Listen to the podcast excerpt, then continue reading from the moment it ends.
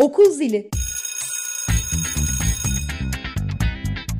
Okula dair çok yaşanan, az konuşulanlar. Hazırlayan ve sunan Ayşe Alan.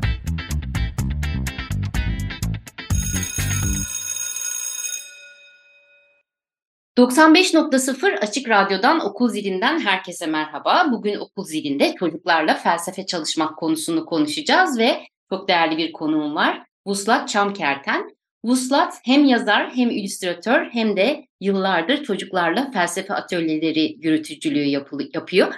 E, Vuslat hoş geldin. Hoş bulduk Ayşe. Çok teşekkür ederim.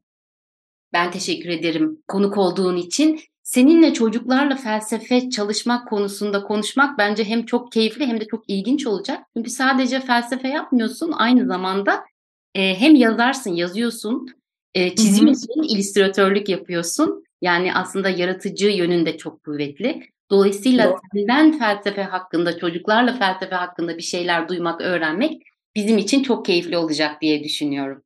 Çok teşekkürler, çok heyecanlıyım. Çok güzel burada bunu seninle konuşmak, Açık Radyo'da bunu paylaşmak, Açık Radyo'nun da özel bir dinleyicisi var. Onlara bunlardan bahsetmek çok özel benim için de. Benim için de öyle. Hemen hızlıca başlayalım. Çocuklarla felsefe yapmak ne demektir? Nasıl tanımlarsın? Ee, çocuklarla felsefe yapmak aslında toplumun kafasındaki o belirlediği, mimlediği diyeyim, e, çocuk imgesinin dışında çok daha ötesinde bir yerde çocukların da bireyler olarak görüldüğü, çocukların da yaşama katıldığı, yaşam hakkında fikirler ürettiği e, özgür bir alan. E, işte çocuk işte yapar eder ya da çocuk şöyledir, böyledir gibi genellemeler ve hatta ötekileştirmeye varan genellemeler e, benim atölyelerimde yok. Çocuklarla felsefe alanında yok bunlar. E, çocuklarla felsefe yapmak aslında bir sorgulama pratiği ve çocuklar bunu doğduklarından itibaren yapıyorlar. Ben ilk derslerde hep çocuklara mesela şeyi soruyorum. Ne zaman? Hatırlıyor musunuz? Ne zaman, nasıl sormaya başladınız? Çünkü dünyaya geldiğinizde etrafınızda her şey vardı. Dünyaya geliyoruz ve etrafımızda o kadar çok şey var ki, o kadar çok uyaran, o kadar çok kişi, nesne, şey, felsefede biz o etrafımızdaki şeylere şey deriz. Çünkü onları tanımlamadan önce biraz bakarız, gözlemleriz, onlar hakkında fikir sahibi olmaya çalışırız, deneyimleriz. Aslında sorgulamada bu işe yarıyor ve çocuklar bunu doğal olarak en başından beri yapmaya çok hevesliler. Ee, biz onları kesmediğimiz sürece, onları işte çocuk olarak ötekileştirmediğimiz ya da sorularını yanıtsız bırakmadığımız sürece çocuklar bu pratiği aslında çok güzel, çok aktif bir biçimde sürdürüyorlar. Çocuklarla felsefe yapmak e, bu özgür alanı, bu renkli, bu düşünceli, bu bariyersiz alanı büyütmek demek. Ee, çocukların bilişsel yeteneklerini kuvvetlendirmek ve aslında hayat boyu onlara bir vizyon vermek demek. Hem kısa vadede bunu yapabiliriz. Hem uzun vadede çocuklar e, ileride ne iş yaparlarsa yapsınlar, ne neyle uğraşmak isterlerse uğraşsınlar, istiyorlarsa işte gitar tamircisi olsunlar, istiyorlarsa felsefeci, ressam olsunlar, yazar olsunlar, mühendis olsunlar. Onlara bir yol verecek, bir harita çıkaracak bir alan. Çocuklar felsefe yapmayı pratik ettikten sonra kendi kendilerine iyi sorular üretmeyi bildikten sonra bunu bırakmıyorlar.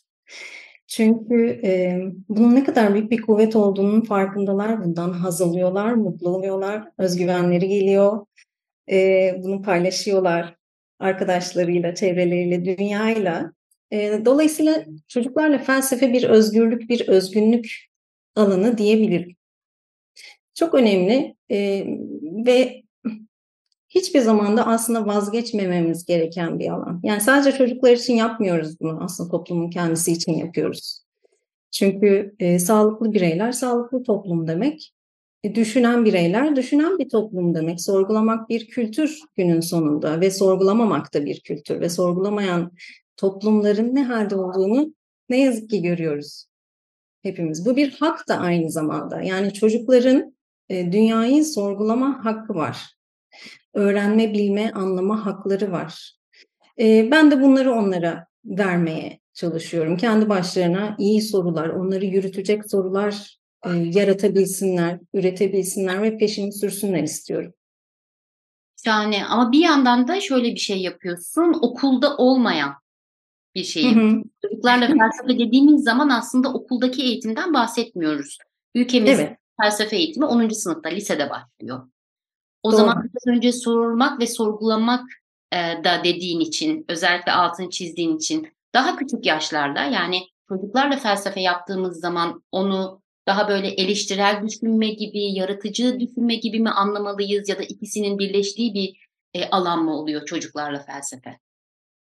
E, aslında eleştirel düşünce yaratıcı düşünceyi de getiriyor. Yaratıcı düşünce zaten eleştirel düşünce. E, bir e, sorular sorularla yola çıkıyoruz aslında. İşte çocuklar için felsefe felsefenin kendisi de bize aslında iki bacak, iki ayak veren bir şey. Öyle düşünün. Yani bizi e, yürüten, harekete geçiren, bizim üretmemizi, tasarlamamızı sağlayan, e, işte bizi az önce dediğim gibi bizi meraklandıran, bir şeyin peşini sürdüren, bizi yola çıkartan ayaklar aslında. Ee, çocuklara ilk derslerde şunu da sorarım ben hep. Düşünsenize derim hiç sorulmayan sorulara ne olur? yani uzay boşluğuna mı giderler yoksa hiç düşünülmezler bile ve düşünülmediklerinde ne olur? Orası tıkanır, orayı artık bilemeyiz. Düşünmediğimiz şeyleri ne bilebiliriz, ne anlayabiliriz, ne onlarla iletişim kurabiliriz ve günün sonunda aslında onlardan korkarız da çünkü onlar bizim için karanlıkta kalan şeylerdir, belirsiz şeylerdir. E, düşünceler yaratıcı ve sorgulayıcı olduğunda müthiş kuvvetli şeyler. Şöyle düşünün, e, hiç bugün adaletten şüphe duymadığımızı düşünün. Hiç adaleti sorgulamadığımızı düşünün. Korkunç bir şey hiç sevginin ne olduğunu, sevgi kavramının ne olduğunu düşünmediğimizi düşünün. İnanılmaz. Yani insanlar birbir, birbirlerini seviyorlar diye bir, birbirlerine neler yapıyorlar. Ya da aynı şey iyilik kavramı için. Senin iyiliğini istiyorum. Ne demek gerçekte? Ya da düşünmeyi düşünmediğimizi düşünelim. Kesinlikle. Düşünmeyi e, düşünmeyen insan kas katı bir insan. Düşünmeyen insan düşüncenin kendisinden de, düşünenden de korkan insan, hareket etmeyen, ilerlemeyi bilmeyen, kendisinin işte güya bildiği gerçekler dışındaki gerçekleri görmek istemeyen, kabul etmeyen insan dolayısıyla da çok güdük bir dünyada yaşayan biri. Aslında bir birey bile olamamış biri. Dolayısıyla eleştirel ve yaratıcı düşünmek aslında bize bir hayat veriyor, koca bir dünya veriyor. Çocuklara da ben bunu vermeye çalışıyorum. Şöyle söylüyorum mesela işte biz derslerimizde adaletten konuşuyoruz, iyilik, doğruluk, işte kimlik, gerçeklik, sanat, dil felsefesi yapıyoruz bazen. Ve e, ben onlara kafalarında odalar açmaya çalışıyorum. Fakat anahtarlar onlarda. E, ve o anahtarla ne zaman hangi odaya ne koyacaklarını biliyorlar artık. Yani kafaları karışmıyor. Biz günlük hayatta yetişkinler o kadar kafa, kafamız karışık, o kadar telaşlı yaşıyoruz ki öğrendiğimiz, bildiğimiz ya da işte düşünmeye çalıştığımız her şeyi aynı odaya tıkıştırıyoruz. Tek bir odada ve sonra başımız sıkıştığında, akılcı bir karar almaya kalkıştığımızda, hayatımıza bir yön vermeye çalıştığımızda içinden çıkamıyoruz. Korkunç bir telaş, bir hayal kırıklığı, depresyon belki. O yüzden eleştirel e, ve yaratıcı düşünme insana berraklık, işte akılcı düşünme gücü dediğimiz şey ve bir harita veriyor. Bunlar da hem bizim için hem de aslında diğerleri için işte toplum için e, müthiş müthiş güzel şeyler. Harika yani demek. Hayalini kurmak bile çok güzel değil mi?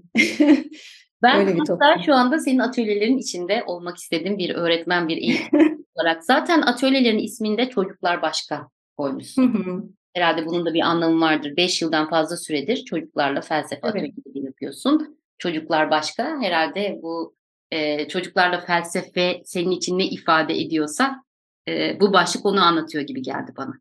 Kesinlikle çocuklar o kadar başka ki, o kadar bariyersiz, o kadar ışıklılar, o kadar renkliler ki e, onlarla bir konu hakkında derinleşmek bana müthiş haz veriyor. Çünkü yetişkinler yetişkinlerle de bunu yapmaya çalıştığımız zaman o kadar böyle orta bir yerden başlanıyor ve gerisi unutulmuş oluyor ki Evet. Yani geriye yönelik sorular sormak, meselenin özüne inmek gerçekten çok zor oluyor. Bazen imkansız oluyor çünkü çok kalıplaşmış e, biçimlerde yaşıyoruz. Böyle çerçevelere alınmış şekilde yaşıyoruz.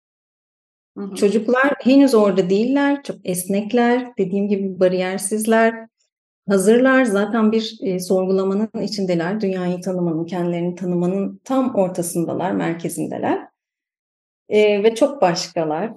Beni de çok besliyor bu. E, bir yazar, çizer olarak da benim dünyamı da çok besleyen bir şey. Böyle birbirimizi beslediğimizi umuyorum. Onlar beni, ben onları. Çok merak ettiğim şeylerden bir tanesi okulun dışında bir şey yapıyorsun. Ee, tırnak içinde bir eğitim atölyesi diyebiliriz aslında Evet. çocuklarla felsefeye. E, eminim çocuklardan aldığın pek çok şey vardır. E, okulla ilgili, okulda aldıkları eğitimle ilgili, okulda ne kadar sorguladıkları, ne kadar eleştirel düşünmeye yakın oldukları, ne kadar yaratıcı düşünmeye yakın olduklarıyla ilgili. Senin fikrini çok merak ediyorum.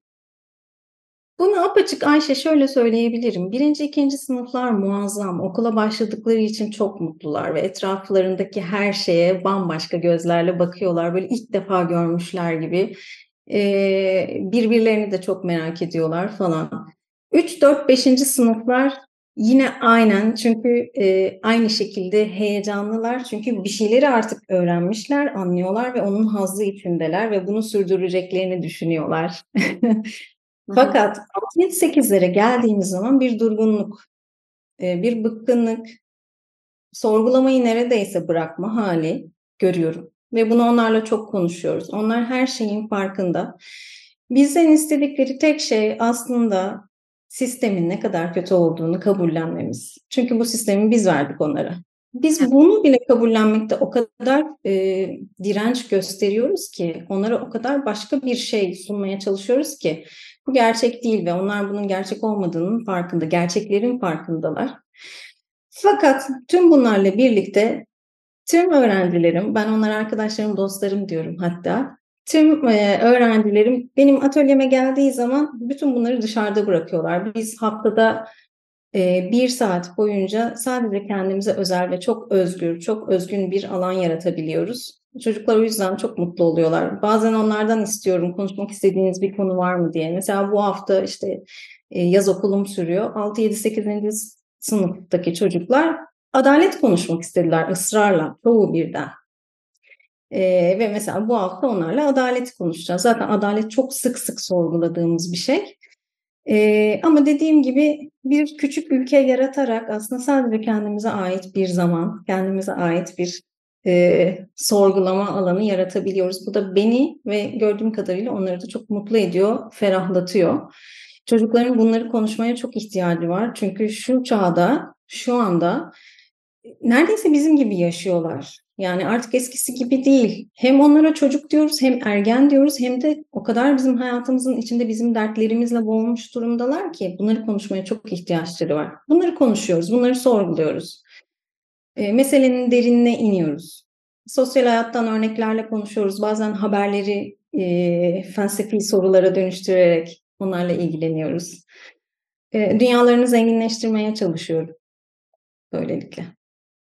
Peki o dünyaları ebeveyn nasıl görüyor diye sorsam anne babalarla da eminim iletişim halindesin. Yani çocuğu evet. bir yönde kısıtlayan hem geliştiren hem de kısıtlayan bir yerdir ya hem okul hem aile. Biraz okul boyutunu konuştuk biraz da aile boyutunu konuşalım. Belki bu vesileyle ebeveyne önerilerin de olabilir. Bu alanda öğrenci çocuklarını beslemek için ne yapmaları lazım? Orayı nasıl görüyorsun? Ee, şöyle görüyorum. Çocuklar tıpkı aslında kadınlar gibi çok fazla olmalarına rağmen yani toplumda e, aynı biçimde işte kadınlar, erkekler ya da diğer insanlar herkes gibi çok fazlalar ve hala biz onları bir azınlık gibi görüyoruz. Bir öteki gibi görüyoruz. Onları ötekileştiriyoruz, onları genelliyoruz. Velilerden okul bunu yapıyor. Bunu apaçık söyleyebiliriz. Buna, yani bunu hepimiz biliyoruz. Okul onların üstünde bir e, dayatma gücünü kullanan bir alan, bir yapı.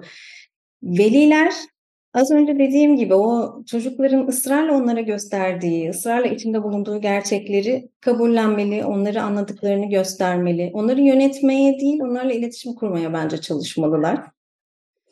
Ee, çocukluğun işte böyle yetişkinliğe giden bir yol, işte bir an önce terk edilecek topraklar olduğunu artık düşünmekten vazgeçmeliyiz. Çocukluk harika bir şey müthiş bir dünya ve biz o dünyayla birlikte aslında yetişkinliğe giriyoruz. Bunu unutmamamız gerekiyor.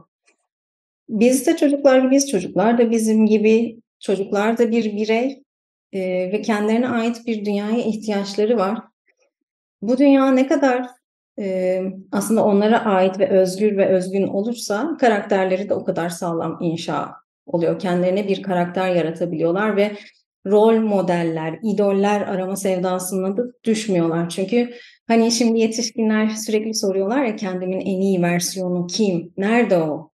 İşte çocuklar için de böyle bir şey hayal ediyorsak eğer onların kendilerine ait dünyaları olmasını sağlamamız gerekiyor. Yetişkinlerin yapacağı tek şey bu aslında. Onları anlamak, sırtlarını sıvazlamak, onlarla sakin, telaşsız, sevgiye dayalı ve saygıya dayalı bir iletişim kurmak, yönetmek değil. Yani bu nasıl yönetilecek bu çocuk, bu genç, bu ergen nasıl yönetilecek, ne yapacağım ben bununla e, gibi bir soruyla değil de aslında neleri paylaşabiliriz, ne, nasıl anlaşabiliriz, nasıl bir dünya bağ kurabiliriz sorusu üstüne gidilmeli diye düşünüyorum. E, bir taraftan da okul dışındaki bütün bu hem sosyal medya hem internete hem etrafıma baktığım zaman özellikle okul dışındaki eğitimlerde çok popüler konular var. İşte teknoloji gibi mesela bu konuda kodlama eğitimi aldırmaktır diyor. İşte spora yöneltmek var, sanata yöneltmek var ama ne kadar felsefeye ya da e, etkiler düşünmeye zaman ayırmak, emek vermek, bunu görmek, görebilmek var. E, bu anlamda ebeveyn hakkında düşüncelerin neler? Yani e, yeterli buluyor musun? Bu konudaki bilinçli olma hallerini yönlendiriyorlar mı çocuklarını? E biraz modaya uymak, işte eğilimlere uymak, yönelimler işte yani moda biraz bizim hayatımızı çok dolduruyor ve yönetiyor. O yüzden işte bir şey moda oluyor, çocukları da oraya koştur koştur gönderiyorlar falan. E, fakat bu felsefe gibi işte insana dair alanlar aslında bilimin de en temel e, çıkış noktası olan felsefe gibi kuvvetli bir alana ve bize hayatımız boyunca lazım olacak bir alana çocuklarını yönlendirmeleri, onları düşünmeye sevk etmeleri müthiş kıymetli bana kalırsa. E, hatta bunun için şimdi ben e, aslında felsefe diye bir kategoride açtım bizim atölyelerimizde. E, kendi çocukları olmayabilir, sevdikleri bir çocuk olabilir, işte gözlemledikleri, dünyaya bakış açısını sev, sevdikleri bir çocuk olabilir. E, bir çocuğa eğer e, felsefe felsefi bakış, bir işte hayat vizyonu, bir bakış açısı hediye etmek istiyorlarsa e, atölyemizde askıda felsefe kategorisine gelip onlara atölye, atölyemizi hediye edebilirler. E, ben şimdi yaz okulumuzda mesela 6 çocuğa e, bunu hediye edebildim. E, ama benim gibi eminim ki e, çocukları seven, e, dünyayı onlarla birlikte güzelleştirmek isteyen, onların dünyasına saygı duyan, eğilen e, pek çok insan var. E, bunu yapmak isterlerse çok mutlulukla beklerim. E, buradayız. Yani çok felsefe yapma dışında bir de işin sosyal fayda boyutuna da el attığın için ayrıca teşekkürler ve çok mutlu oldum diyebilirim. Peki e, askıda felsefeyi desteklemek için, askıda felsefe e, destek vermek için acaba e, hangi hesaplara girmeli? Evet, benim bir web sitem var vuslatçamkerten.com. Bana oradan ulaşabilirler. Sosyal medyada da çok aktifim aslında. Instagram hesabıma gelebilirler. Çocuklar Başka atölyelerinin de Instagram hesabı var. İsmi direkt Çocuklar Başka. Oraya ulaşabilirler. Bana ulaşmak kolay. Bana ulaşırlarsa e, çok çabuk hemen onlara dönüyorum. Çok mutlu olurum. Çok e, müthiş bir umut olur bence hepimiz için. Ben de öyle buna erişimi, bu atölyelere erişimi olmayan çocukların erişimini sağlamış olurlar. Umarım çok destek alırsın bu konuda ve askıda felsefede Umarım. güzel bir isim olmuş. Tekrar edeyim yayından önce de söyledim. Teşekkürler, evet. E, sosyal medya hesaplarından takip edebilirler demiştin ya. E, hı hı. O noktada da e, şunu düşündüm çünkü sosyal medya hesabına girdiğim zaman senin e, ne kadar renkli şeyler yaptığını da görebiliyoruz. E, yayının da yavaş yavaş sonuna geliyoruz ama bundan mutlaka bahsetmek isterim. Yani çizen, üreten, aynı zamanda yazan, e, hem bir romanın var hem bir öykü kitabın var değil mi? E, evet. Çok yaratan, hem yazan hem çizen hem de e, başka başka şeyler yapan çok yönlü bir insan olarak bütün bunların e, senin e, felsefeye olan ilgin, ve çocuklara olan ilgini nasıl beslediğini ya da karşılıklı beslenmenin nasıl olduğunu çok merak ediyorum. Eee, öyle besleniyoruz ki bazen ben bile çok şaşırıyorum. Yani mesela çocuklar eee, bir şeyi söylediği zaman bazen tüylerim diken diken oluyor. Bir keresinde bir öğrencim şöyle bir şey demişti. İşte hayal mi, gerçek mi, gerçekliğin işte kademeleri, dereceleri falan hakkında konuşurken dedi ki eğer ben kanatlı beyaz bir atı ve tek bir boynuzu olan bir atı her bir tüyüne kadar hayal edebiliyorsam ve o tüyleri gözümün önündeymiş gibi görüyorsam o at vardır. Var olmuştur artık ve ben onu artık unutamam. Unutmam mümkün değil dedi. Benim böyle bir şeyden etkilenmemem bir e, hikaye anlatıcısı, bir yazar olarak, bir çizer olarak mümkün değil. Bazen bir cümleyi mesela bozup nasıl tekrar yazabilirim diye düşündüğümde çocuklar geliyor aklıma. Onların o esnekliği, onların o yeniden üretmesi, bitmek bilmeyen o ateşi, serüvenciliği bunlar geliyor aklıma. Ee, ve çizerken de yazarken de aslında o esnekliği, o çocukluğu hep muhafaza etmeye çalışıyorum. Aynı şekilde onlarla atölyeye girerken de üstümden yetişkin örtüsünü, o sıkıcı, bo boğucu, kaskatı, yetişkin örtüsünü, yetişkin paltosunu çıkarıyorum. Onlarla öyle buluşuyorum. Bir çocuk olarak buluşuyorum. Yayının başında çocuklarla felsefeyi anlatırken bir çocuk hakkı olduğunu söylemiştin. Bunu Hı-hı. biraz daha açabilir misin? Neden çocukların çocuk hakkıdır çocuklarla felsefe ya da felsefe öğrenmek, felsefe yapmak? Aslında tüm insanların hakkı sorgulamak ve iyi düşünebilmek. Çünkü dediğim gibi düşüncedir bizi yürüten, düşüncedir bizi üretmeye sevk eden. Bizim yaptığımız her şeydir düşünmek var. Düşünmek bir eylemdir, eylemin kendisidir. O yüzden çok kıymetli. Düşünmediğimiz zaman hem ruhsal olarak hastalanıyoruz ama bizi böyle boğan e, şey düşüncelerden bahsetmiyorum. Çünkü dediğim gibi düşünceler o kadar kuvvetli şeyler ki bizi bazen öldüresiye boğabilirler. Karmaşık, bulanık, karanlık olduklarında. Felsefe bize berrak, bizi yürütecek, bizi yola çıkaracak bir düşünme pratiği verir bize. Bize sistemli düşünmeyi öğretir. O düşüncenin gerisine gidebiliriz, daha derinine ineriz, o düşüncenin ilerisine gidebiliriz. Felsefe bize bunu öğretir. Dolayısıyla bizi bize hareket verir. Hareket eden her şeyde aslında bir şey bulur, bir şey keşfeder. Dediğim gibi bilimin de ana çıkış noktası felsefedir, soru sormaktır. İnsan soru sormadan hiçbir şey yapamaz. Dolayısıyla bu bir haktır. Soru sormadığımız, soramadığımız her yerde biz küseriz, biz içimize döneriz, kururuz, büzüşürüz. Her canlı böyledir aslında, sadece çocuklar değil.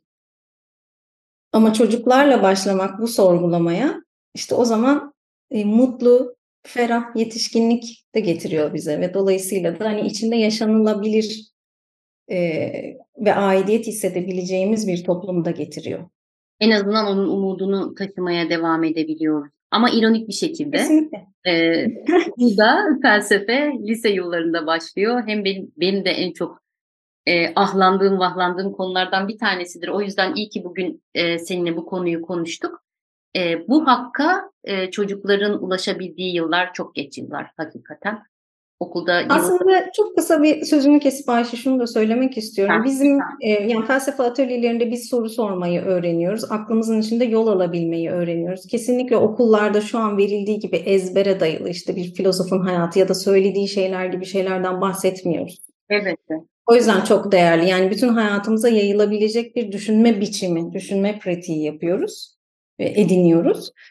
E, o yüzden lisedeki o felsefe aslında kitaplardan da meraklısı okuyabilir. Meraklısı için kitaplarda da bolca var.